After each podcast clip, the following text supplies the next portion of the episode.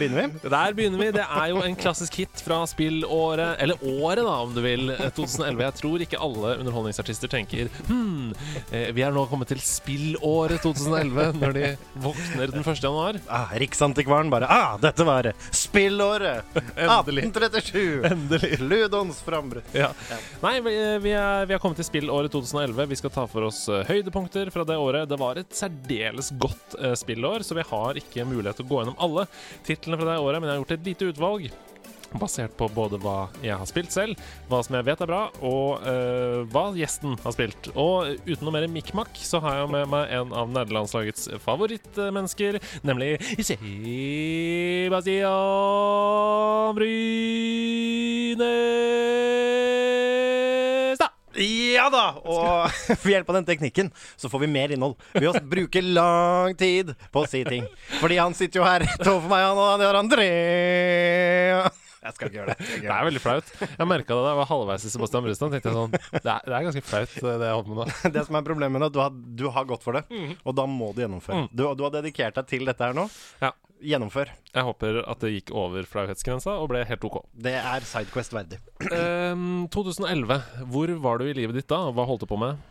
Ho, skal vi se. 2011, ja. Ikke sant? 06-07. Da var jeg i militæret. Eh, Så det vil si at eh, 2008, var det litt revyer. Var kollektivet i gang i 2011, tro? Vet du hva? Første episode 16.9.2011. Ja, da var jeg i Da satt jeg i en villa, en ambassadevilla i, i Josefines gate og lagde humor og tøys. Men bodde du der også? Det er det mange som stiller seg spørsmål om. Mange som stiller spørsmål. Ja, til tider. Eh, Jakob og Fridtjof bodde der. Eh, Ja, okay. Vi hadde alle rom der, men jeg hadde blitt såpass gammel at jeg også hadde en egen leilighet på si. Ja. Men eh, bodde der, til, bodde der eh, en del. Ja. Wow, så det var faktisk helt ekte. Det var ikke TV-triks. Det var noen som bodde der. Cess bodde aldri der. Men hun, for hun er jo på en måte Hun er stjernen på den tiden. Ja, ja, ja, ja. Er du gæren? Fortsatt. Fortsatt. Den uh, She rise above. Oh yes. Shout out Oh. til deg, Cess. Du er ikke noe gamer. Det har du aldri vært. Du hører, du hører ikke på. Det er jeg ganske sikker på. Men det gjør ikke noe det. Cess er en nydelig person. Ok, jeg tror vi bare skal fyre i gang med eh, 2011, for det er mye å ta av her. Ja, så gøy. Eh, vi eh, beveger oss til en PlayStation-eksklusiv. Eh, kommer 22.2.2011 i Nord-Amerika. 25.2 resten av verden. Eh, litt sånn eh, slow start på året, kanskje, men i februar så eksploderer det i kanskje eh, PlayStation 3 sin beste eh, førstepersons skytespill, Killzone 3.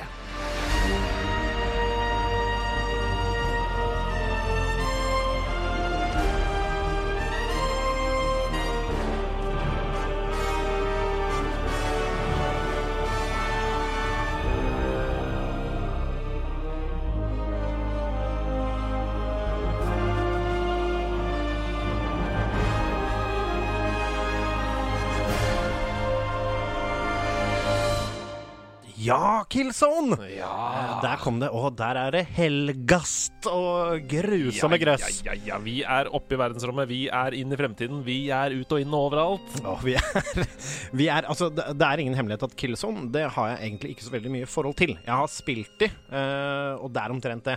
Jeg mekka heller ikke Killzone 3, faktisk, for Nei. å være helt ærlig. Jeg, det er bare et eller annet med at det er mye der ute, og, og Killzone var bra, og jeg koser meg med det, men for meg så det bare hadde ikke det derre Det hadde ikke det derre pushet i historien som jeg bare Å, shit, jeg var ikke investert. Helgast, who gives a fuck? Altså, det er liksom Det blir litt For meg så er det litt sånn Det ble for, litt sånn Wolfenstein-fiender. Ja. Bare at de prøvde å gjøre det liksom ordentlig. Skjønner du hva jeg mener? Ja. If it makes sense. Ja, ja, Verken fugl eller fisk. Ja, det er liksom sånn er Liksom-nazier? Ja. Hva er dette? Roboten Altså, hvis stormtrooperne ble ytterligere fascistiske, tenker jeg det, Der har du Helgast.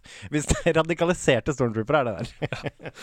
Jeg um, hadde verken spilt Killzone 1 eller 2, men du kjenner jo meg, jeg er ute etter en god deal.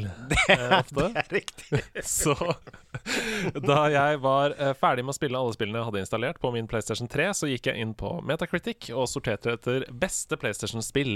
Eh, og så hadde jeg ikke noen særlig sånn FPS-sjanger eh, under huden på den tiden. Jeg spilte ikke noe særlig FPS.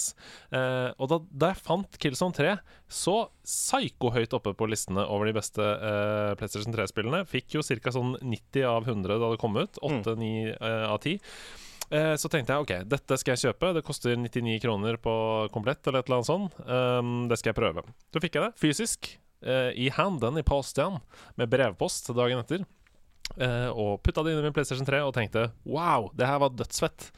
Uh, for jeg likte godt Det eneste som jeg ikke likte så godt med Killzone 3, Det var at det var så vanskelig å se innimellom. Ja. ja. Fordi du husker den uh, perioden av eh, skytespill på Mm. PlayStation 3 og også Xbox. Um, det var liksom Det var liksom dunkelt og brunt, og det var liksom ja, så, Og Killzone var ikke noe unntak. Det Nei. var mye mørke, det var mye sånn flashende lys og ja, men, men jeg likte det kjempegodt, og det som jeg likte best med Killzone 3, det var kontrollene. Ja, ja, ja. ja. Det, altså, ja nei, altså, jeg har ikke noe å utsette på det sånn teknisk eh, heller. Altså, det, dette er et bra spill, og jeg anerkjenner at det er et bra spill. Det bare Altså, det beit liksom ikke Nei. på meg. Nei, jeg runda det aldri jeg heller, men jeg spilte det i hvert fall halvveis. Uh, og det var ganske nytt for meg uh, med et FPS-spill. Um, jeg hadde liksom ikke vært så investert i FPS siden Golden Eye på 1964. Åh, men for et spill! Skal vi ta en runde? Nei. Eh, så jeg, og jeg hadde spilt en del av de FPS-spillene som kom, men Killzone 3 gjorde at på en måte, jeg fant tilbake kjærligheten da, til den sjangeren. Um, så derfor så ville jeg ta det med. Jeg syns det er det beste i Killzone-serien. Ja, det er det. Um, og jeg tror faktisk Hvis du har en PS3, så tror jeg det har holdt seg. Jeg tror det går an å spille. Fireren var vel launch til PlayStation 4? Ja, Ja, og om det, hva var det det het, da? Det het uh, Husker ikke. Det het ikke Killzone 4, nemlig. Det het noe sånn Killzone Tactical Command. Ja, ja. Uh, jeg skal finne det ut nå. Ja, altså kan du bare si kort, da. Altså, det, det fikk man jo med, tror jeg. Tror jeg fikk det når jeg kjøpte PlayStation min, eller fikk fireren. Ja, det er Shadowfall. Det het Shadowfall, Killzone var. Shadowfall. Uh, released da som en launch title, står det her. Men jo, en ting til jeg har lyst til å nevne med Killzone, det er jo at de det, det veldig sånn distinkte designgrepet er jo de eh, hjelmene med lysende øyne. Ja, ja, ja. Så alle fiendene har sånn lysende øyne, og, og ofte så var det sånn at i mørket så så du ingenting, bortsett fra de, de lysende øynene som sto ut. Det var fett. ja det, var, eh, det, var, det var stilig. Det er et stilig spill. Next! Next! Thank you! Next! Som Ariana sa det. Uh, Et helt annet spillår. Et helt annet spillår. Det var et annet spillår. Da våkna hun og tenkte Hm, hva skal jeg gjøre i dette spillåret? Um, vi skal til 19. april 2011. Jeg vet ikke om det har vært påske ennå? Kan det være sein påske det året? Det, det, der strides de lærde. Sjekk ut det. Riksantikvaren.no. Spillåret 2011. Påskeåret 2011. Men herregud, for et spill. Dette er um, Det er vanskelig å rangere spill, men jeg tror dette er topp fem for meg gjennom tidene. Jeg snakker om Portal 2.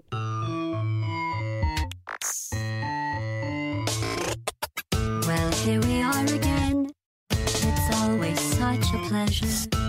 Remember when you tried to kill me twice? Except I wasn't laughing. Under the circumstances, I've been shockingly nice. You want your freedom, take it. That's what I'm counting on. I used to want you dead, but now I only want you gone. Oi, oi. OK. Oi, oi, oi. Ja. Oi, oi, oi. Eh, oi, oi. Det Ja. ja. Altså, for et spill.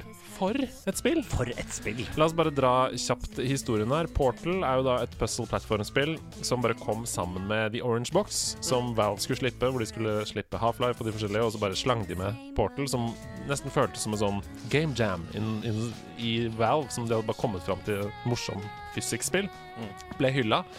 Portal 2 tok ideen fra Portal 1 og gjorde det til en massiv eh, Altså tok et puzzlespill og gjorde det mye større, viktigere, historie. Plutselig store, åpne områder. Du brøyt med den fjerde veggen og befant deg plutselig i en helt annen verden. Ja, ja. Og ikke minst eh, en av de beste voice-actede spillene i, altså gjennom tiden. Altså Wheatley, eh, som, er, eh, som han heter. eh, Mm. som, er en, eh, som er en eh, ball, en robotball, eh, med intelligens, som eh, hjelper deg gjennom dette spillet. Litt spoiler, selvfølgelig, men du våkner opp eh, og test eh, i det gode gamle Aperture Test Labs, Mm. som du husker fra eneren. Bare at ting er i ferd med å gå alvorlig skeis. Mm. Uh, det er uh, åpenbart at ting er ikke helt som det skal, og så møter du Wheatley, som er voisa av uh, Steve Merchant. eh, Steven Merchant, ja. Og altså, en av de aller beste spillkarakterene gjennom tidene. Jeg lo. eh, jeg koser meg. Jeg skal ikke spoile dette spillet, for det, om du ikke har spilt dette spillet, Det må du spille. Det har holdt seg 110 Ja. som man sier på Paradise Hotel. Eh, tvers igjennom en godbit, i tillegg til en two-player-mode som du får med. Som Mm. jeg årlig omtrent spiller med fetterne mine. En av de to fetterne mine. Så gønner vi gjennom og spiller litt two-player. Går du for Atlas eller Peabody når du skal velge? Alltid Peabody. Velkommen til NRK Alltid Peabody. I dag skal vi Etter oss kommer NRK med Atlas på menyen, som går dypere inn. Som er, like, som er litt dårligere enn vårt program. Det er vår P2 i fremtiden. Ja, er- P2 nå er sånn eh, spikking og annet som vi syntes var gøy før. Hjertelig velkommen til spillåret. Dette er et P2. Dette Andreas. Dette er et. I 2055 så er dette P2 beste sendetid. Er du Atlas eller Peabody, du òg? Vi er litt eh, grovere i målet. Vi skal ta for oss spillåret 2041. Ja. Jeg var nå alltid Peabody. Det var den beste karakteren. Uh, Portal 2. Du har jo også da den legendariske karakteren Cave Johnson, som er vel et av dine favorittspillsitater med Lemons og Lemonade. Du har lest opp i nederlandslaget før. Det har jeg lest opp. Skal jeg lese det igjen? Uh, ja, du kan godt gjøre det. I mellomtiden så kan jeg snakke om at eh, GLaDOS spilles av Ellen MacLean, også en fantastisk prestasjon. Uh, hvem hadde trodd at en liten sonde koblet til en potet kunne ha så mye personlighet? Du blir så glad i den poteten også. Gjør det. Jeg passer på potetene. Ja, du må passe godt på poteten. Ja, Og for den kan bli companion, og compa ja, og companion cubes. Ja, ja. Å, faen, gris. Oi, oi, oi, oi. Ok, her er Cave Johnsons, en av mine favoritt-gaming-sitater noensinne. When life gives you lemons, don't make lemonade. Make life take the lemons back. Get mad. I don't want your damn lemons. What the hell are these? Demand to see life's manager. Make life rue the day they thought it could give Cave Johnson lemons. Do you know who I am? I'm the man who's gonna burn your house down with the lemons. I'm gonna get my engineers to invent a combustible lemon that burns your house down. Cave Johnson. Det er veldig, veldig bra. Jeg husker godt da han begynte å rante det sitatet mens jeg kom i spillet. Jeg husker hvor det er òg, akkurat hvor det er i spillet. Yep. Og så bare slutta det aldri. Jeg bare Oi, dette blir bare bedre og bedre og bedre, og morsommere og morsommere. Ja, men uh, Portal 2 uh, Fantastisk balansert læringskurve. Nydelig pacing. Mm. Uh, perfekt humor. Eh, manuset er ti av ti. Skuespillet er ti av ti. Mm. Det er et av de aller, aller beste spillene som er lagd noensinne. Ja, og det, og, og, det- ser pent ut. Det er twister underveis, og, eh, og plutselig så bare åpner spillet seg på en helt annen måte. Altså, alt i det spillet er helt, helt, helt fantastisk. Og hvis du ikke liker puzzlespill til vanlig, så drit i det. Du må spille det. Og tenker du hei, dette spillet her skal jeg kanskje ikke spille, så kos deg med å se en playthrough, bare for å være med. Det er også et spill som er kult å se på. Og hvis du går på YouTube, får du mange som spiller det bare, sånn som det var intended. Mm. Så kan du kose deg med det hvis du er en som liker å se på, som jeg har snakket om mange ganger før. Men også speedrunning av det spillet. Ja, ja, ja. Åh, det er noe av det beste i GDQ å, eh, å se noen bare break the shit out of Portal Games. Det er fett, ass. Vi må videre, og vi skal til et spillselskap som tidligere turte å ta store sjanser. Det gjør de dessverre ikke lenger, eh, og det er veldig trist. Eh, Det er selvfølgelig en påstand som kan diskutere, men dette spillet Da jeg spilte dette spillet, så hadde jeg aldri spilt noe som dette før. Eh, Og jeg husker jeg tenkte wow, her eh, Tenk å lage et Triple A-spill med denne motoren. Eh, Jeg snakker om LA Noir.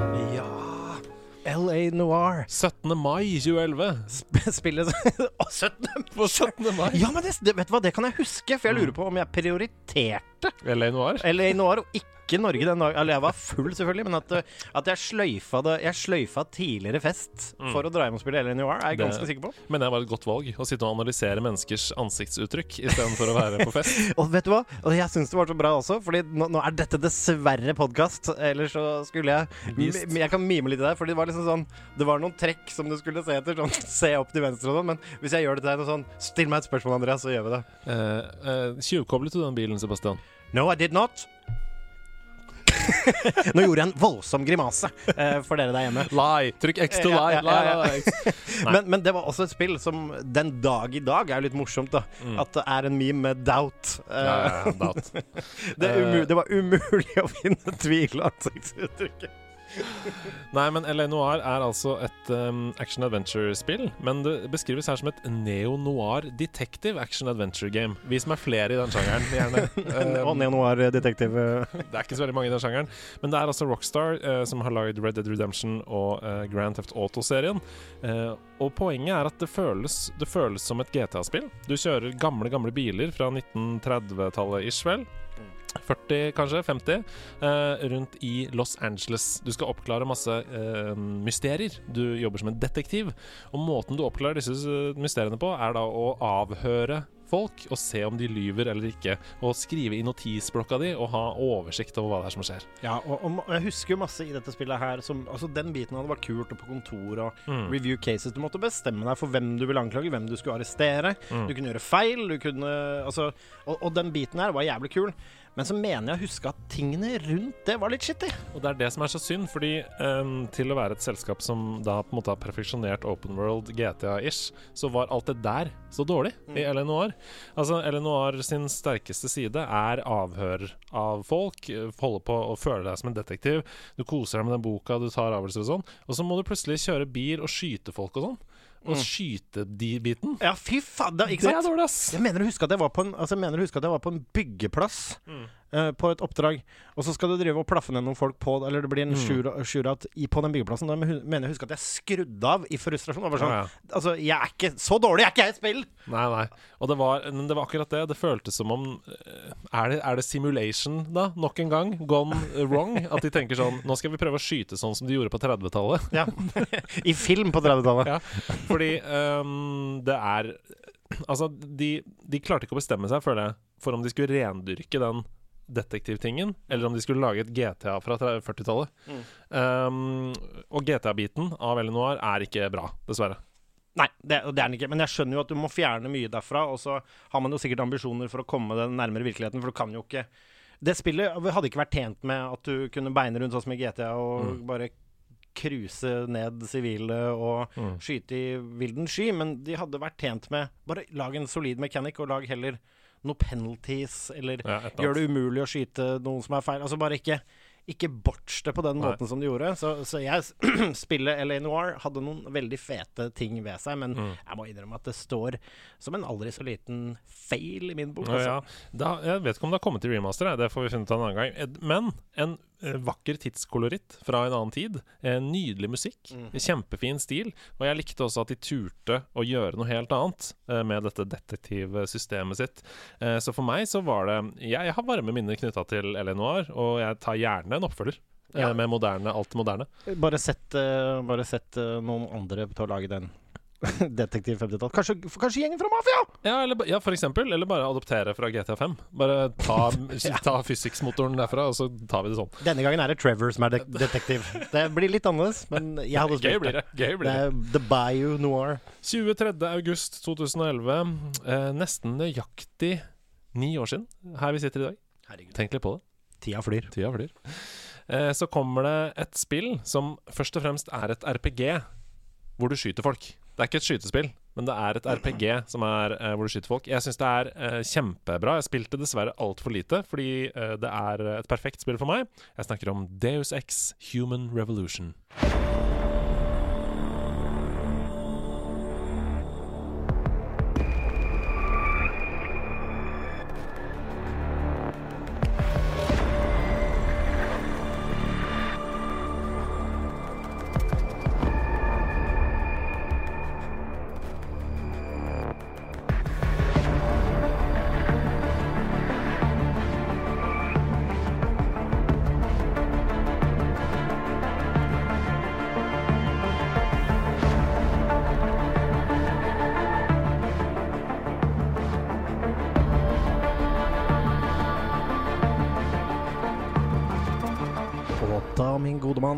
Jeg si at det Det koste jeg meg med.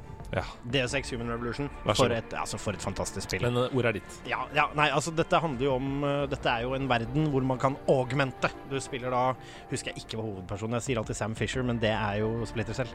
Adam Jensen. Adam, Adam Jensen, selvfølgelig. Det er Eh, nesten det samme. Det er nesten det samme. De er brødre Adoptiv. Ja. Uh, uansett, uh, du er uh, Mr. Jensen, og dette handler jo om et samfunn hvor du kan augmente eh, mennesker. Det, det eksperimenterer jo med da artificial intelligence, men også dette her med Du kan begynne å omtrent kjøpe deg evig liv. Det er energiceller og ting som bare gjør at plutselig er livstid blitt en commodity. da Mm. Og all, alle gråsonene rundt det. Jeg har ikke lyst til å spoile dette her heller, men du spiller da uh, Adam Jensen, som er augmented, eh, som da selvfølgelig må foil the plans of an evil corporation. Og så bygger du denne karakteren da, og setter energy nodes og oppgraderer uh, din augmented body etter hvert. da. Men du kan, du kan få for mye, og du kan få overdrive. Må passe på å styre energien din og bygge deg sterkere. Og det er så mange te temaer da, i det spillet, og det spillet er velspilt. Det er gode karakterer. Det er utrolig spennende dialoger, og du kan bruke masse dialogteknikker for vinning. Og du trenger ikke være en drapsmaskin, du kan være stealthy, du kan være guns blazing. Og det, altså, det tror jeg faktisk er en av de spillene som overrasket meg mest. For jeg hadde aldri spilt noen Deus Ex-spill når jeg Ikke kjøpte det. Ikke heller. Og jeg fikk det i PlayStation min, og bare holy fucking shit! Mm. Jeg storkoste meg og spilte og spilte og spilte. Og spilte det til og med gjennom to ganger. Så jeg tror jeg er to ganger 35 eller 36 timer. eh, Ikke sant? Noe sånt. Nei, eh, det er et utrolig bra spill. Og akkurat det du var inne på der med den augmentation og eh, RPG-elementene, at du kunne bytte ut på en måte ja, Vi skal ikke spoile så mye, men man kan vel si at man kan på en måte gjøre ting med kroppsdeler og sånne ting? Ja, Det kan man godt si. Og så er det jo et ultimat lite våpen der. ja det som, er et slags ultimat våpen der på et tidspunkt, ja. som dukker opp. Og er det etisk riktig, da? Hvilken vei har du valgt å gå, kanskje? Må ikke spoile. Men, men det er faktisk eh, helt seriøst et uh, spill man burde spille. Jeg ville Mm. heller spilt det enn det som er det helt nyeste. Ja, helt enig. Jeg ville gått tilbake og spilt det. Det har holdt seg greit. Det er ikke så veldig lenge siden jeg poppa det inn og så på det på PlayStation min. Mm. Det har holdt seg fint. Du bruker ikke lang tid på å overse det som ikke er 100% toppmoderne. Og dialog, spenning, historie Det er et fantastisk spill. Ja, så føles det relevant i 2020, fordi man snakker mye om um, elementer som på en måte uh, f.eks. transhumanisme. da. Sånn, hva er et menneske? Uh, hvor lenge skal vi leve? Uh, hvis du ser for deg dette dilemmaet i fremtiden um, Sebastian Brunestad begynner å bli gammel. Vi tar hele personligheten hans, hele hjernen hans, og legger inn på en datachip og putter i en annen kropp. Er det da fortsatt Sebastian Brunestad? Ja, hvor, hvem, Eh, hva er et menneske? Hvor går grensen? Alle disse te temaene her utforsker det spillet på en veldig god måte, syns jeg. Så eh, kjempebra spill. Og når jeg sier at vi har syv spill igjen på lista, og alle er liksom helt, helt i toppen, så skjønner man at 2011 er et av de, et av de sterke åra. Ja, og liker du, kan bare si det, liker du liksom tematikker til filmer som Eksmakene, eller Mm. eh, storfilmen eh, AI, eh, for eller, med, eller for eksempel iRobot, for eksempel. iRobot. Stoe, altså Will Smith der, den er mange gruer. Men det er en fin film, det òg! Ja, ja. Wild Wild West. Absolutt. Og Jensen, dere, han har moderne, raske briller som ikke alltid er briller, som noen ganger er glass, noen ganger er Oh. De er så raske, de brillene. Det er, Uff. det er nødt til å være uh, Hvis vi hadde hatt kåringen 'The fastest glasses in video games', så hadde det vært Én uh... kaktus i posten til det spillet. Altså, det, han, Adam Jensen, hovedpersonen, ser av og til ut som en fyr som prøver litt hardt, og som har tenkt å løpe Birken Eller som løper Birken. Det stemmer. Han har pulsklokke fra Pulsar uh, på, på hånda. OK. Vi går videre til 20.9.2011, rett etter at Kollektivet har hatt sin premiere. Ei, ei, ei. Nå spørs det om du har spilt dette spillet, si. Hadde jeg tid til det, tror du? Ja, nei, jeg vet ikke. Men jeg syns i hvert fall dette er det beste i serien. Uh, by far. Um, det kan sikkert diskuteres, men jeg liker det i hvert fall veldig veldig godt. Jeg kunne ikke spille det på den tiden, for jeg hadde ikke Xbox, men dette var en av titlene som gjorde at jeg, ville, at jeg virkelig sikla på en Xbox. Jeg snakker om Gears of War 3.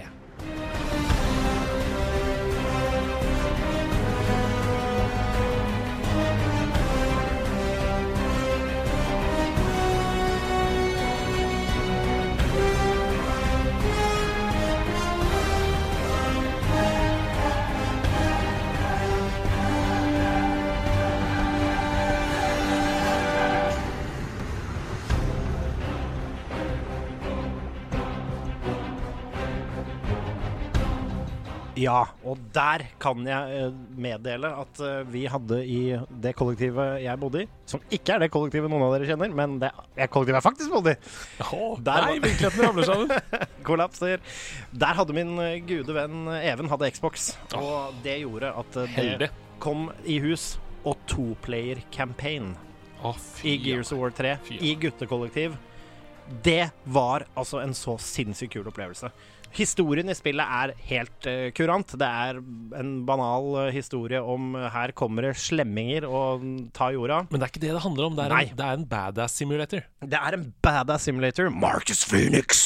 Og når Marcus Når han gjør seg klar for å, for å kjempe, og du er to stykker i campaign, Mm. og du løper Altså den cover-mekanikken, bare den effekten når du løper fra cover til cover, Mm. flanke fiender, samarbeide Vi slukte det spillet, ass. Gears of War 3 var det første spillet hvor du kunne eh, hoppe over en ledge, eksempel, og sparke folk på andre siden.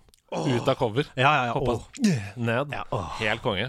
Um, og um, altså det føltes ut som om det hadde tatt masse inspirasjon fra Doom, fordi det var mer fast-paced. Det var um, helt sinnssykt kule våpen. Husker du den granaten som kunne bore seg under bakken? Om, om man husker den, ja. Å ja, ja, ja. ja, ja. Altså, ja og, det, og, det har, og, og det spillet er så satisfying da på nettopp sånne våpen. Mm. Altså med, med den Nå skal jeg bare sjekke hva den het. Jeg husker ikke helt. eh, Jeg googler akkurat nå. Mm. Tror, er det Hammer of, nei, Hammer of Dawn? Er, det det, er, er ikke det treeren? Eller er det kanskje seinere? Ja, Du snakker om våpenet. Ja. Uh, jeg sitter med Mac her, så det er raskere for meg å google. Hvis du nå snakker litt Ja, mer om nei, altså, vi kan begynne med et annet våpen. Da. Bare det at du har en motorsag på tuppen av liksom standardrifla. Mm. Når du bare går inn på en av disse Nå husker jeg heller ikke hva slemmingen heter, for det var ikke så viktig! Det var ikke Mm. The Swarm, eller hva det nå heter.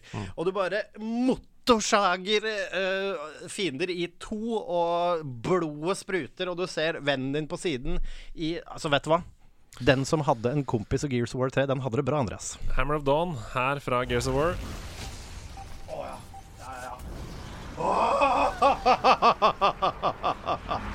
Hamma! Det er bossen, ja. Da, det du, Hammer of Dawn er et våpen hvor du peiler inn, for du får et våpen som er en satellitt i space. Eh, og du peiler bare inn hvor den skal skyte. Så du sikter med en laser, og når den lader opp, så kommer det altså en Hammer of Dawn, en sånn solstråle. Den bruker vel solenergi, tror jeg er greier. Og bare smelter fiender og Altså- bosser alike. Du hører jo hvor fett det spillet her er, og det er kjempegøy, og det er varierende. Uh, plutselig er du oppe i et helikopter og dundrer løs, og så har du på deg en Mac som du fiser rundt med. Altså, det er så uh, gøy. Det er bare gøy, gøy, gøy, uh, og høyadrenalin fra start til slutt. En liten, uh, liten Mario, eller juhu, Mordor til det her. Er du klar? Ja. Vet du hvem som voicer Eller hvilken? Marcus Phoenix. han som voicer Marcus Phoenix, voicer også en kjent animert karakter. Hvilken? Oi! Animert karakter fra film og TV, eller Fra sånn? en serie. Fra en En serie. veldig kjent uh, Veldig kjent animert serie. Det er ikke Rick and Morty, da. Nei, det er, uh, er en Matt Grunning-serie, kan vi jo si. Oi, er det Futurama vi Det er snakker om? Futurama vi snakker om. Oi, hvem, Marcus hvem? Han er også Bender. Oi, han er Bender! Ja, han er visst det. Wow, nå fikk jeg mye mer respekt for Bender. Ja, det er, og dette håper jeg var riktig, for dette er en fun fact jeg har fortalt. Aldri faktasjekka, bare tatt for god fisk fra deg, Eirik Lindsund. Så det er kaktus i posten hvis det er feil.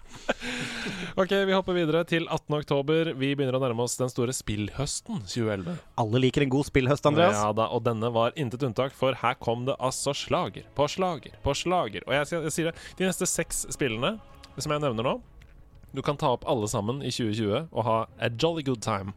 Ja. Uh, og det første jeg skal snakke om, er uh, nok en gang, mener jeg, da, det beste i serien. Uh, fytti, fytti, fytti. Så fet jeg følte meg da jeg spilte dette spillet. Oh. Jeg snakker om Batman Arkham City.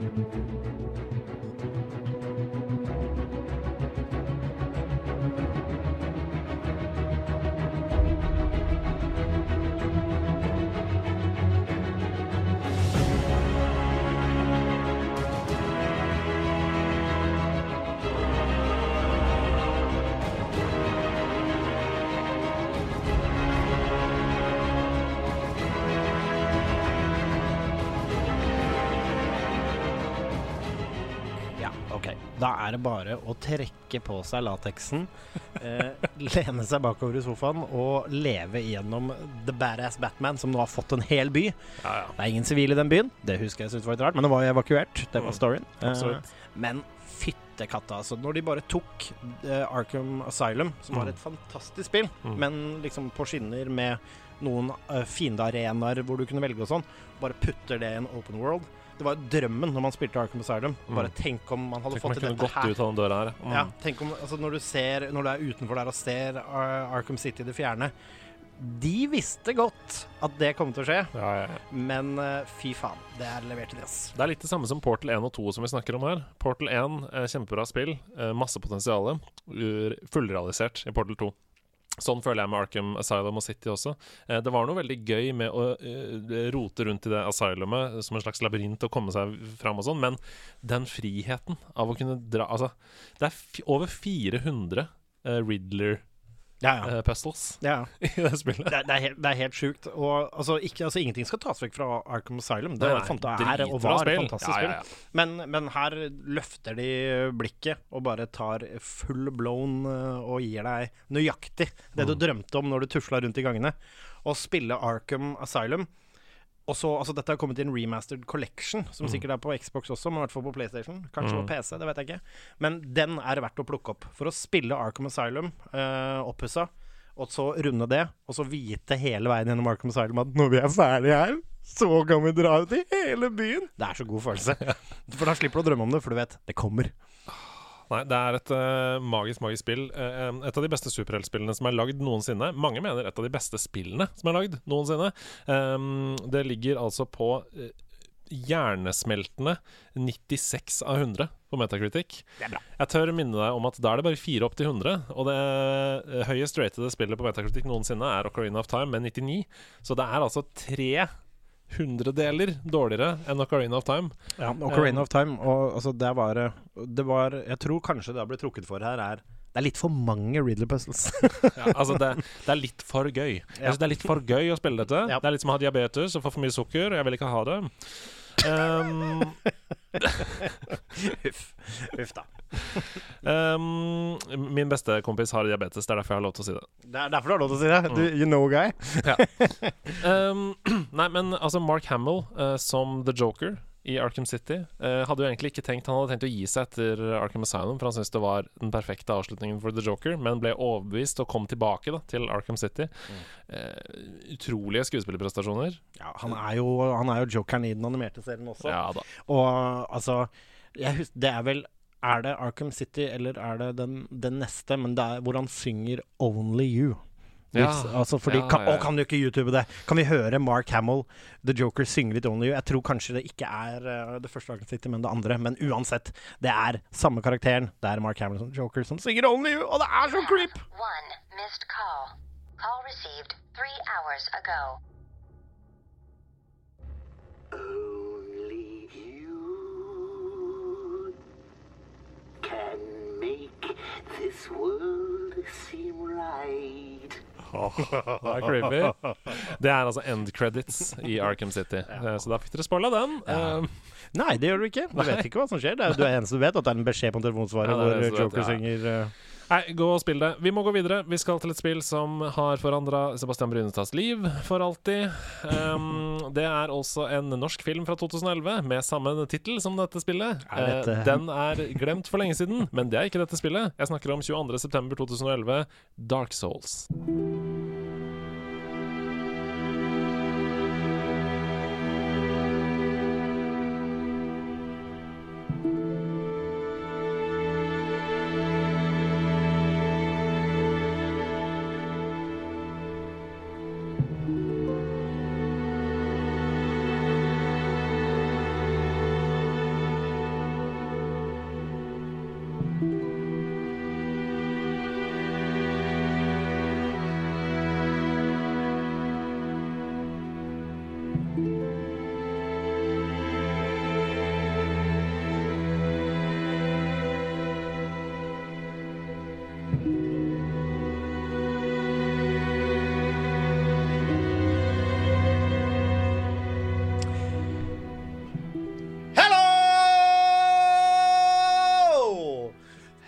Dark Souls, my old friend. I've come to play with you again. Vær så god. Du kan bare, du kan bare snakke. Antageligvis ehm, mm, Altså, as far as games go, kanskje mitt favorittspill gjennom tidene. Mm, det første, altså? Det er vanskelig å si, for toeren er lettere, men ikke så convoluted og bedre. Treeren er fantastisk. Demon Souls var jo det som startet det for meg. Eh, men eh, Dark Souls perfeksjonerte Demon Souls eh, og gjorde det bitte litt mer tilgjengelig. Og det er et spill som jeg ikke har lyst til å spoile i det hele tatt. Fordi det er mange, eh, inklusive her, har jeg også prøvd å messe til Stian, f.eks. Som bare Nei, det kunne han aldri spille. Kunne aldri spille det. Og nå og, og nå ikke sant. Og så sa han prøvde det til og med på oppfordring av meg. Eh, prøver å pushe det på deg også, Hedod, med varierende hell. Eh, men når du først blir bitt av Dark Souls, det er, det er en mindset, det er en type meditasjon, og det er et fantastisk, fantastisk spill hvor du står fritt til å bygge en kul karakter. Du kan grinde deg for å bli sterkere, men til syvende og sist så må du bli bedre. Og mange kødder med det i gamingen med Git Good. Men det var min første gang jeg følte liksom at Shit, dette her er for vanskelig. Og følte jeg, Men dette fikk jeg jo i Demon's Souls, så jeg var jo allerede skodd. Men, mm. Så den følte Jeg hadde allerede rukket å glede meg, fordi det var allerede heroin eh, med den type gameplay. Men for å si noe om den følelsen du får med Dark Souls, som er der du antageligvis burde begynne, som er en lettere inngang. Og det spoiler heller ikke Demon's Souls, så du kan spille det seinere. Som også kommer i en remaster, har jeg hørt. Um, gøy. Men altså, dette er rett og slett et spill hvor hvilken som helst fiende kan drepe deg på ett slag hvis ikke du er forsiktig. Uh, det er feller. Du må lære. Du skal dø. Uh, når du dør, så mister du alt du har i av samlede souls, men du beholder upgrades og våpen og sånn. Men du mister alle soulsene dine. Men hvis du kommer deg tilbake på ett liv fra bonfiren, som er liksom en sånne checkpoints rundt omkring i verden, så kan du hente det igjen. Dør du igjen, så er alt det du har samla borte. Så er hele tiden risk and reward. Det er utrolig spennende å utforske. Det er utrolig masse law å fordype seg i, og hemmeligheter og ting som bare skjer, og uforklarlige. Så det er en av de mest spennende. Skummelt er det også, vet du. Men action og fantastisk, og plutselig står du overfor en drage som bare flyr forbi deg og dreper deg på ett vingeslag. Du er der på 39. gang og bare Ja. Men det der syns jeg er så fascinerende med Dark Souls, fordi jeg spiller nesten ingen andre spill sånn som jeg spiller Dark Souls og Bloodborne og Sekiro og de spillene der. Um, det er en helt egen måte å spille på. Helt egen. Uh, og det, det at du sier at man skal dø, det er helt riktig. Det er meningen at du skal dø. Ja. Du skal ikke bli frustrert av å dø. Du skal tenke OK, det er sånn det er der. OK, da må jeg eh, tenke annerledes neste gang. Det er meningen. Ja, og, og du kan hele tiden liksom Så kommer du til steder hvor det er tusenvis av utfordringer, da. Ta Sekiro da som et eksempel på det også, som er mer en dans, da. Men det kan overføres også. Men det, det handler om å lære moves. Det handler om å lære å bli bedre og fortelle og se tells. Altså sånn sakte, men sikkert. Selvfølgelig blir du frustrert, du blir forbanna, du må skru av. Uh, du må lese litt, da, hvis du står fast. Gå i community. Eh, få et hint, liksom, hvis du vil det. Og det, det har gjort masse for å perfeksjonere ting. Men det er altså det spillet som er mest satisfying i verden. Når du setter Når du synker ditt pluss tre bastard sword, eller om du har pluss tre av sleiva fra første område Når du setter den inn i siste boss, og Ja. du bare ser liksom Altså, den reiser seg ikke opp igjen og blir form 2. Du vet at shit, du var, din, du var tom for Estus, som er healing-itemet. Health-baren din er nesten ikke synlig, og så faller siste bossen, så kommer rulleteksten. det, det, altså det er, det er heroin. Gratulerer, Hidetaka Miyazaki. Du er en uh, genial regissør. Uh, to spørsmål til slutt. Mm. Favorittboss i Dark Souls? Mm. Altså. Ja, ikke sant. Fuck, nå må jeg ikke Mens du tenker på det, så kan jeg deg et annet, eh, stille deg et annet spørsmål. Stille meg et annet spørsmål. Og det er uh, Burde man spille det originale eller remasteren som kom i 2018? Eh, det er bare å spille remasteren. Ja. Eh, altså, hvorfor ikke, liksom? Nei, Jeg, jeg, altså, det eneste som er forskjellen, er grafikk. Det er ikke sånn at folk er kritiske til at movementen har forandra seg. Eller eller jeg, har, jeg har egentlig aldri Jeg har egentlig aldri tenkt på det. Når jeg, når jeg fyrte opp remasteren, så var jeg bare kjempeglad for at Ja. det så bedre Herlig. ut. Og, Da er det det offisielle rådet fra oss. Uh, hvis du skal spille Dark Souls, som du selvfølgelig skal, hvis du ikke har spilt det, så skal du spille remasteren, som kom i 2018. Uh, det er da den beste versjonen av det spillet. I mellomtiden, mens jeg har pjatta videre om remasteren, så har eh, Sebastian fått tenke litt på bosser og sånn. Jeg tror nok kanskje hvis jeg skal, hvis jeg skal, sette, en, hvis jeg skal sette en røver her, så må jeg bare være sikker på at det er riktig Altså, det, jeg, blander ofte, jeg blander ofte Dark Souls-bossene mine, for det går litt i ett, for vi har Ja, ja. spilt det så inn i helvete mye alt sammen. Ja. Men jeg tror Sif er Ja. Mm. Dark Souls 1. Eh, og ulven, den, den store ulven, og det var liksom alltid ja, bare den i, måten du får møte en svær ulv, og måten den fighter på, har ikke lyst til å spoile det. Bare Det er i dag så sent ja, og bare den kreative måten du møter en Du tenker 'stor ulv', hvordan kan det være yndlingsposten din? Bare, bare ta en kikk på Sif. Bare ta en kikk på Sif og hvordan han opererer, så vil du skjønne at uh, han er en kjekk Han er en kjekk ung ulv med triks opp i poteermet. Vi skal videre til neste spill. Um, skal jeg, hvordan, skal jeg ans hvordan skal jeg sette et anslag her? Hvis du liker Hvis du liker e gode historier i spill, eventyr, Uh, og ikke er sånn super-gameplay er ikke det viktigste for deg, men du ønsker å få en god historie, så er dette en av de aller, aller beste historiene som er lagd noensinne. Og hvis du ikke føler noe mens du spiller dette spillet Hvis du ikke, altså Jeg tør nesten å si hvis du ikke griner mens du spiller dette spillet, så er du på grensen til psykopat. Uh, Oi, oi, oi. Lista satt. det er det er et av de aller, aller beste Altså en av de aller, aller beste historiene som er laget noensinne. Eh, Du må spille det hvis du liker gode historier. Eh, Jeg snakker om 1.11.2011, To the Moon.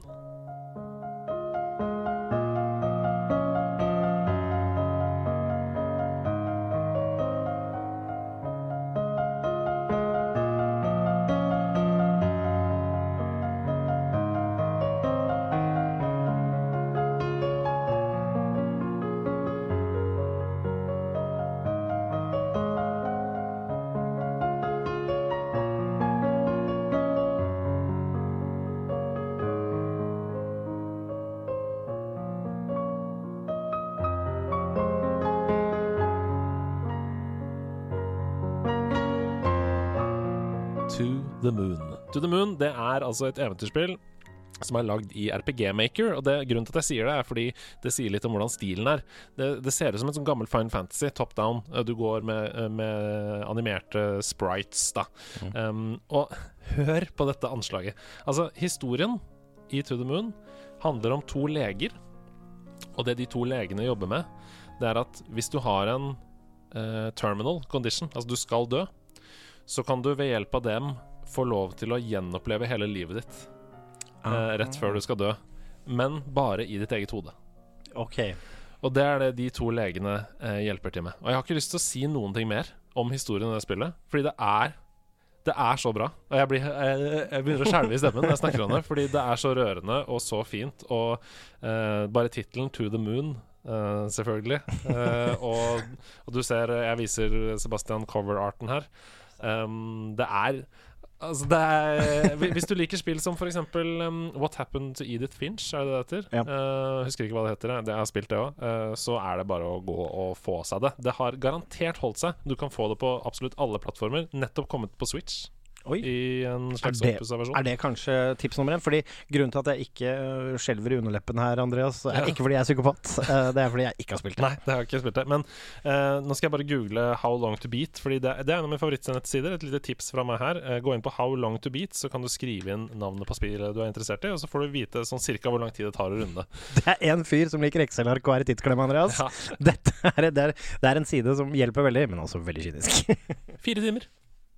Fire timer til et spill som du setter så høyt i din katalog, det Ja. tror jeg jammen jeg skal unne det. Spesielt når du kan ha det med i ventetiden på Switch. Det er akkurat det. Og du kan også spille det på IOS og på Android og sånne ting. Jeg vil anbefale å ha det på en fokusert opplevelse. Så spill det på Switch, f.eks. Eller spill det på PC, da. Eh, eller noe sånt. Um, det er dritbra, og det er verdt de timene med bravur. Hvis du, hvis du har lyst til å investere tre timer og se Shawshank Redemption, da kan du i hvert fall investere fire timer i å spille To the Moon. Jeg vet det, Shawshank Redemption altså, Drittfilm. Nei, jeg kødder! Jeg kødder, det er et mesterverk. Det er et mesterverk.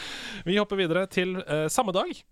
Nøyaktig samme dag. Kanskje, og dette kan være grunnen til at jeg ikke spilte To the Moon. Ja, det kan være det, og ganske sannsynlig, for du er en liten Sega-kid. Jeg er en Sega-kid. Og her i to, 1. november 2011 så kommer et spill som gjenoppliver min kjærlighet for denne karakteren, eh, som har ligget brakk siden 2006. Å, faen meg. Det lukter et pinnsvin av typen blå her, Andreas. Det er helt riktig. Jeg snakker om Sonic Generations. Ja!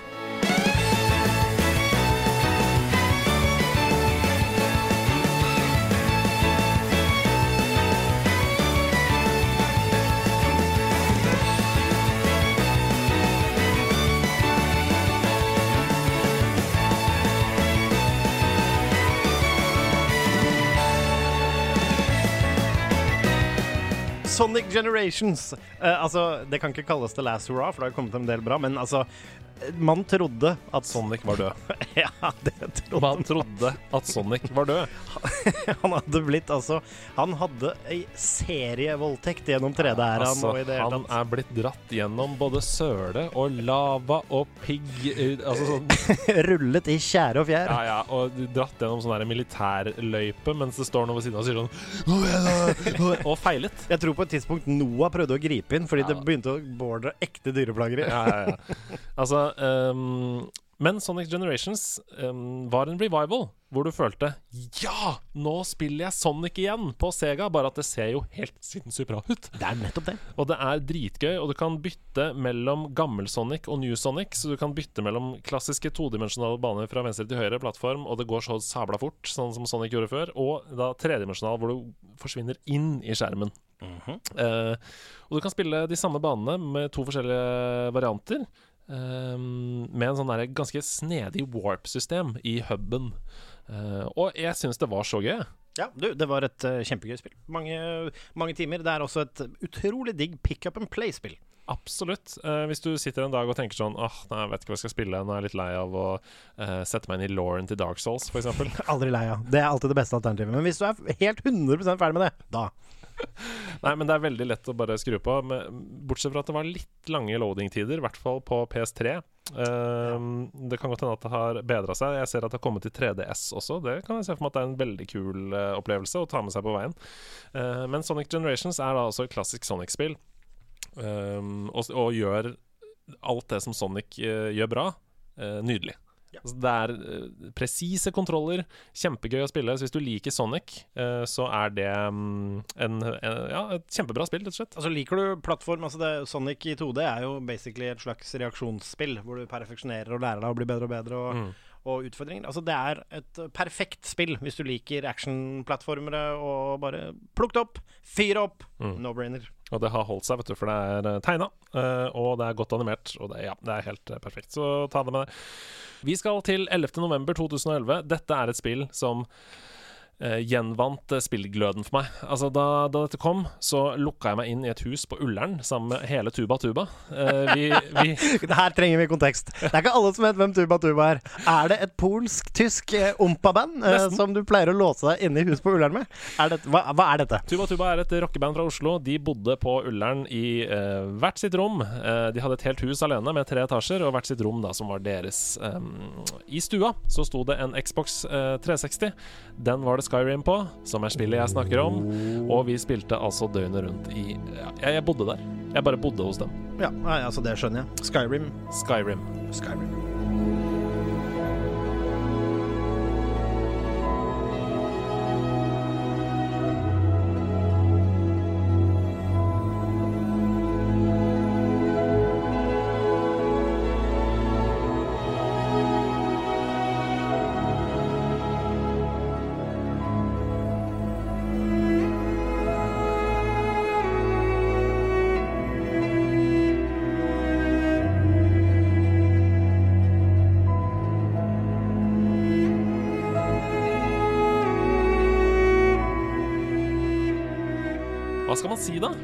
Altså, Hva skal man si om Skyrim som ikke allerede er sagt? Det er vel det spillet i verden som er mest porta, mest omtalt, mest re-released, mest spilt og mest hyllet.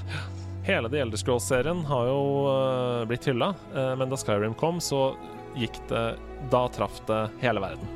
Ob Oblivion var en favoritt blant alle som likte gode uh, spill, men Skyrim traff alle de som også likte Madden og Fifa og sånne spill. Ja. Altså Det var casual-gamere omfavnet plutselig et stort open world RPG. Ja. Jeg tror at uh, Skyrim har gjort mer for spillbransjen enn det vi forstår. da Ja, de klarte, Det de klarte å gjøre, var jo å gjøre de tingene tilgjengelig. Du ises inn i noe som er så enormt at eh, Jeg husker også at folk som aldri spilte sånne ting før, kunne ringe meg og si sånn Du, nå har jeg kommet dit og dit, og nå lurer jeg på det. Hvordan, men hva betyr det? Hva skal jeg der? Altså, det ble bare en sånn massiv community-ting, fordi alle bare Altså, idet du sitter liksom på kjerra der, og første dragen kommer, og det holder hendene dine i starten, til det bare slipper deg løs, da. Det, jeg tror bare den introen der tror jeg skapte mange RPG-fans eh, for fremtiden. Og første gang jeg skjønte at liksom OK, jeg skal faktisk fighte mot drager i dette spillet. Eh, nå går eh, signalet i Whiterun. Det er en drage observert i nærheten. Det er ikke lenger bare cutscene som du skal se. Du skal slåss mot denne dragen. Oh yes. Eh, da hadde jeg selvfølgelig eh, tatt altfor mye Sidequest, så var altfor sterk på det tidspunktet. Klart det. Så den dragen gikk jo rett ned. Du har, du har spilt RPG før, sikkert. Men da den dragen døde, og jeg absorberte The Dragon Soul og skjønte, og alle rundt meg begynner å reagere How did you do that? Uh, he's dragonborn! Og, det, og ikke bare folk rundt reagerte. Du, jeg selv ba kontrollen bare. Å, herregud, jeg er Dragonborn! Jeg er Dragonborn! Og så er jo det neste du skjønner, da, at du bruker disse soulsene til å lære deg Dragon Shouts, og Ja. kan da bli til en badass av dimensjoner. Skyrim har vi snakka side opp og side ned om i Sidequest, så vi skal ikke vie det så mye tid. Jeg vil bare si at det er en grunn til at det kommer ut igjen og igjen. Eh, hvis du spiller eh, Special Edition, som er remaster-versjonen av det, så kan du også ha mods på, P på, på PlayStation. Ja. Eh, Det er kjempebra på PC. Der kan du selvfølgelig spille native med mods hvis du vil, men det er, det er godt satt opp på PlayStation. Så hvis du kun har en konsoll, eh, altså en eh, Xbox 360, Xbox One, PlayStation 4, et eller annet, så kan du spille det med mods der. Um, gjør det. Ja. Eh, Sett på litt sånn bedre vann. Eh, noen flere sånne poles rundt omkring. Bare gå, bare gå og finn lister på nettet. Hvilke 10 mods eller hvilke 15 mods, og da er spiller plutselig nesten current gen. ikke Mm. Ja, ja. er Plutselig er det nesten current gen, og ikke minst så føles verden enda mer levende. Fordi du kan sette inn NPC-er, f.eks., som holder på med ting. De jobber rundt omkring. Og ikke fall for fristelsen. Vær så snill, ikke fall for fristelsen til å godmode det spillet Nei, hvis det du er ikke har spilt det. Ikke gjør det. Ikke, ikke juks det. Bare kosmetiske Ja. Ting som ikke har noe for gameplay å gjøre, og oppleve spillet ordentlig. For det kommer til å ødelegge alt. Ja. Hvis du plutselig kan fly overalt og sånn, så bare Nei. Det, det, no, mye av det som er vakkert med Skyrim, er å ri på hest fra by til by. uh, finne ting underveis. Mm. Oppdage en hemmelig hule eller en orkelby eller et eller annet. Sånne ting er helt magisk. Um, Du kan, jeg, du kan sikkert spille det altså, det altså alt med display har jeg hørt du kan spille på. Du kan spille på sånn Mm. Texas Instrument-kalkulator. du kan til og med spille det på uh, Google smarthøyttaler. Du kan spille på Google smarthøyttalere. Ja, det er klart. Du kan si 'Alexa, go left'. Ok, greit. Kan du spille det på sånn brown elektrisk tannbørste med skjerm? Det vil jeg.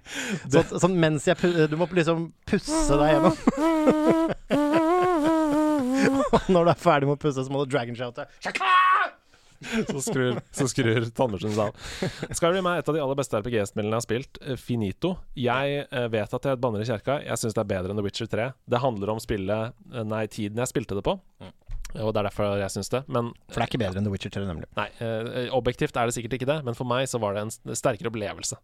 Eh, å, å bo i dette huset på Ullern da, eh, og spille Skyrim istedenfor å sitte alene på Skøyenåsen og spille The Witcher. Ja, det er sant. Nei, tuba tuba, dere gjør alle spill litt bedre. Akkurat sånn som at eh, mange ville sagt at Demon Souls kanskje ikke er det beste av de spillene, men for deg så var det noe med den tiden det var i. Det var, det var noe med det.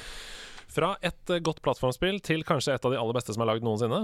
Eh, november dreper det, rett og slett. Eh, og egentlig hele 2011 dreper det. Eh, 15. november så kommer det nok en reboot av et spill som ikke har fått noen spill siden 2003. Det er åtte år imellom, eh, men Ubisoft veit hva de driver med. De venter lenge og smeller i bordet når vi som minst venter det. Jula 2011 handlet kun om én ting for meg, Rayman Origins. Og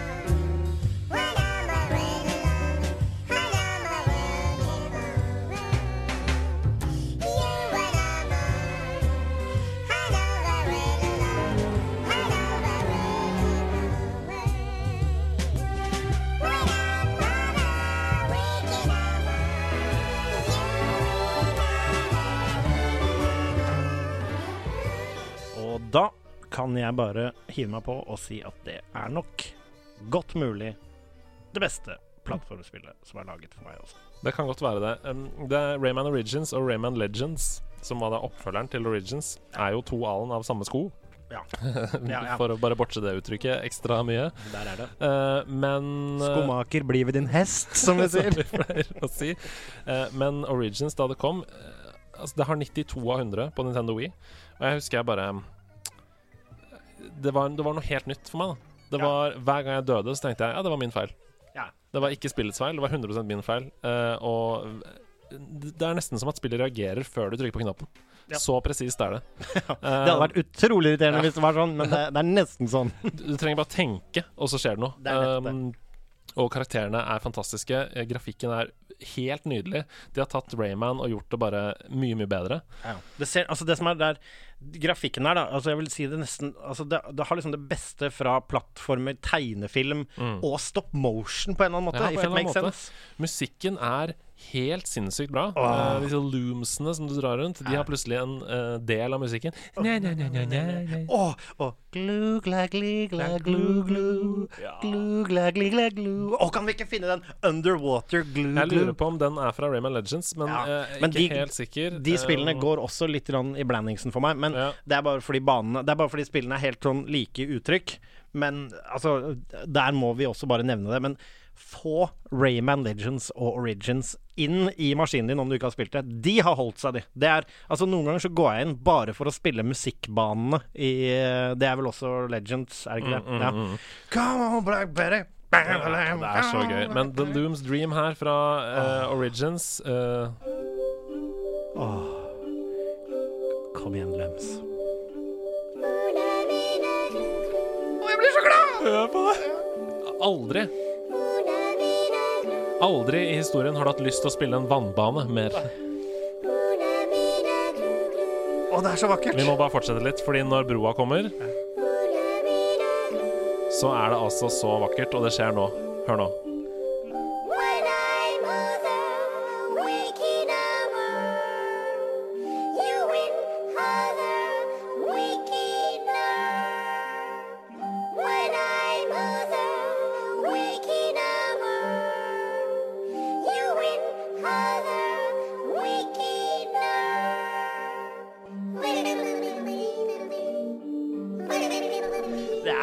Det er så, Faen, det er så komposisjon, da. Det er så det er, Altså, det der, det der Altså, for dere som har øh, Altså, alle har jo peiling på musikk i form av at du kjenner at det påvirker deg, men tro meg, når du har bildene og bare det å svømme rundt der, og, og, og det der er bare én av de. Ja, det er, det er så mye, da. Det er så mye bra, liksom. Eh, Men sånn som det der, å bruke gibberish på den måten Ja, til å lage tåredryppende god musikk, Ja, ja. er helt sinnssykt. Og det er, øh, det er en av de soundtrackene som jeg hører mest på fra spill. Mm. Eh, Fordi det, jeg må plukke det opp av og til. Du har ja, det, er, det, er så, det er så mye bra.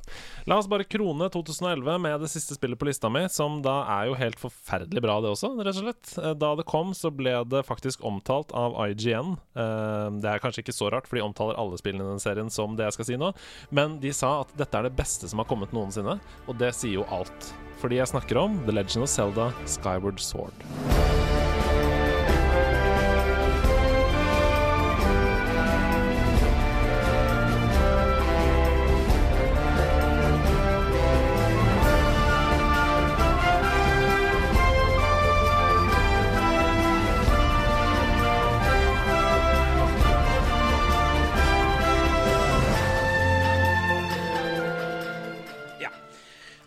Var et spill denne Ja, det er så deilig når du sier det. Ja, ja.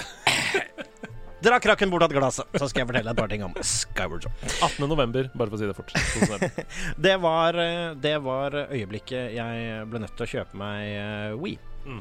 Uh, fordi um, jeg hadde spilt uh, Jeg hadde Twilight Princess hadde jeg på um, eh, GameCuben. Mm. Eh, ja, det stemmer. Eh, og her kommer det jo et spill hvor du skulle bruke dette sverdet og bruke motion controls. Og det er noe jeg i utgangspunktet er veldig skeptisk til, skjønner du. Men det Nintendo gjorde her, var å lage Wii Motion Plus. Nettopp spredt opp. De Oppgraderte motion-kontrollene, um, og jeg har aldri eh, følt noe lignende. Og jeg hadde gleden av å i den tiden jobbe som spillanmelder. Så for kollektivet. Så den fikk jeg. Jeg fikk en Wii, og jeg fikk en eh, Fordi de satsa så hardt da på at alt Det det var gode tider i TV-bransjen. Så jeg fikk en Wii, og jeg fikk uh, Tusen takk til Bergshallen. Uh, og fikk en, en sånn special edition Zelda-boks med den nye kontrollen. Med den Zelda-fargede, med Wii Motion Plus, og bare. Og satte meg ned og tenkte Jeg er i utgangspunktet skeptisk til, eh, til eh, til motion controls, men dette bare fungerte! Ja. Og jeg skjønner ikke hvordan! Men hvorfor gjør ikke alle det så bra? Hvorfor kan de ikke alltid Der er den! Han har et bilde der. Oh, Gull-Selda, We Motion få, Plus Control. få den ut på discorden. Det skal jeg gjøre. Den kan friste mange et hjerte. Den har jeg den dag i dag. Men, men, men ja, det, det er et fantastisk spill. Det er Zelda-formelen, revamped med nye motion controls. Du flyr på fuglen din. Du har liksom Istedenfor å seile rundt på det åpne havet, så flyr du rundt i himmelen her på fuglen din. og Templer og bare denne skarabeen du styrer og kan fly med som en drone. Altså Det er så mange innovative ting her! Og Selda med harpa der, og Selda med harpa der og Nei, nei, altså det der Og når du, når du for å finne veien, og du bruker sverdet opp i sola for å bygge energi og Nei, Altså, um, det som skjedde da Nintendo introduserte motion controls til uh, Zelda, det var jo at plutselig så var uh, fighten istedenfor en button mash-feast, så Mm. var det Du måtte analysere movementen til fiendene, Mm. se hvordan de holdt sverdene sine, og gjøre ting med dine armer som om du fighta med sverd sjøl. Ja. Eh, og det var ulike stances, og det var ulike måter å slå på. Um, og det, altså, det var Jeg trodde da jeg spilte Skyward Sword, at nå kommer alt til å være motion controls. Fra nå av. Fordi det var så presist, da. Det var så presist, og det de også mestret, som jeg tror er en veldig viktig del av det, er at de lot deg gjøre motion controls mens du satt i sofaen. Altså, du kunne, du kunne gjøre de tingene, og det er sånn med. Ja, det føltes som om du slo et sverdslag og hadde en episk fight, men du satt bare og flikka i håndleddet. Den merka at du bare gjorde de mikrobevegelsene, og det var så utrolig behagelig. Ja, det var så bra. Det var så bra. da får du fortsatt følelsen av å fysisk gjøre det, uten at du liksom orker å spille 40 minutter, fordi Mm. la oss være ærlige, denne fyren er ikke bygd for Birken. Jeg er ikke noe Adam Jensen, for å si det sånn. sånn, at, sånn at alt var bare riktig der. Uh, og for en historie.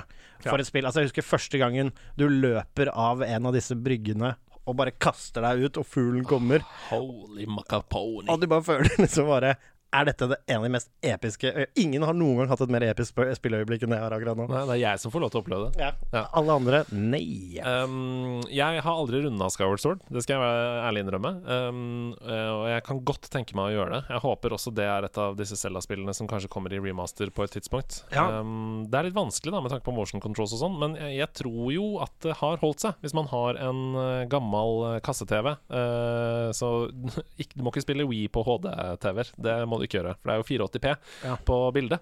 Men hvis du har det, så Jeg, jeg har jo en Wii. Jeg har jo spillet. Og jeg har jo Wii Motion Plus-kontroller, så jeg tror kanskje jeg skal prøve å finne den save-filen. Du, du, det, det er ikke dumt å fullføre det spillet. Det er, det er langt. Mm, Det, er, er husker- langt, ja. det, er, det er veldig Et av langt. de lengste Zelda-spillene. Ja, det er langt, og en av de som er Altså, det er en av de aller vanskeligste. Mm. Eh, altså sånn Du klarer det, det er ikke det, men det er liksom litt mer utfordring. Det er eh, i det hele tatt Altså, jeg har runda det Det er, en av de, det er det eneste Zelda-spillet jeg bare har runda én gang. Mm. Fordi når jeg var ferdig, så var jeg ferdig.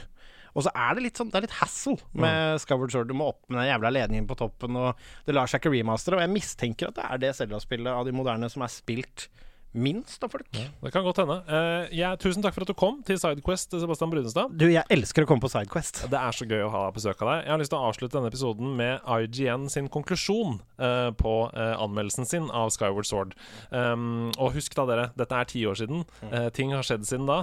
Men eh, lytt til hva de har å si. Tusen takk for at du kom. Hjertelig takk for at du fikk komme. Calling Skyward Sword the best Zelda game of all time is a mighty big thing to say. We're talking about one of the most influential and iconic franchises in the history of gaming. A series that has a standard all to its own because its games are traditionally so stellar. But this adventure has it all. Its graphics are the best we've ever seen on Wii, with memorable characters and great storytelling. In the gameplay department, Skyward Sword is an incredible shift in control and combat, with level design that is stunning in its elegance. It's not enough to say this is the best Zelda game of all time. This redefines the implementation of motion controls, proving that the right application can make a difference. This is the first game in Wii's lifespan to completely and thoroughly prove that Nintendo is right, that non traditional controls can forever change how we want to play games. For anyone not typically interested in Nintendo games or simply not familiar with them, this is an adventure for the ages, with incredible combat and a powerfully moving story. Zelda has once again proven why it remains one of the most important franchises in this industry.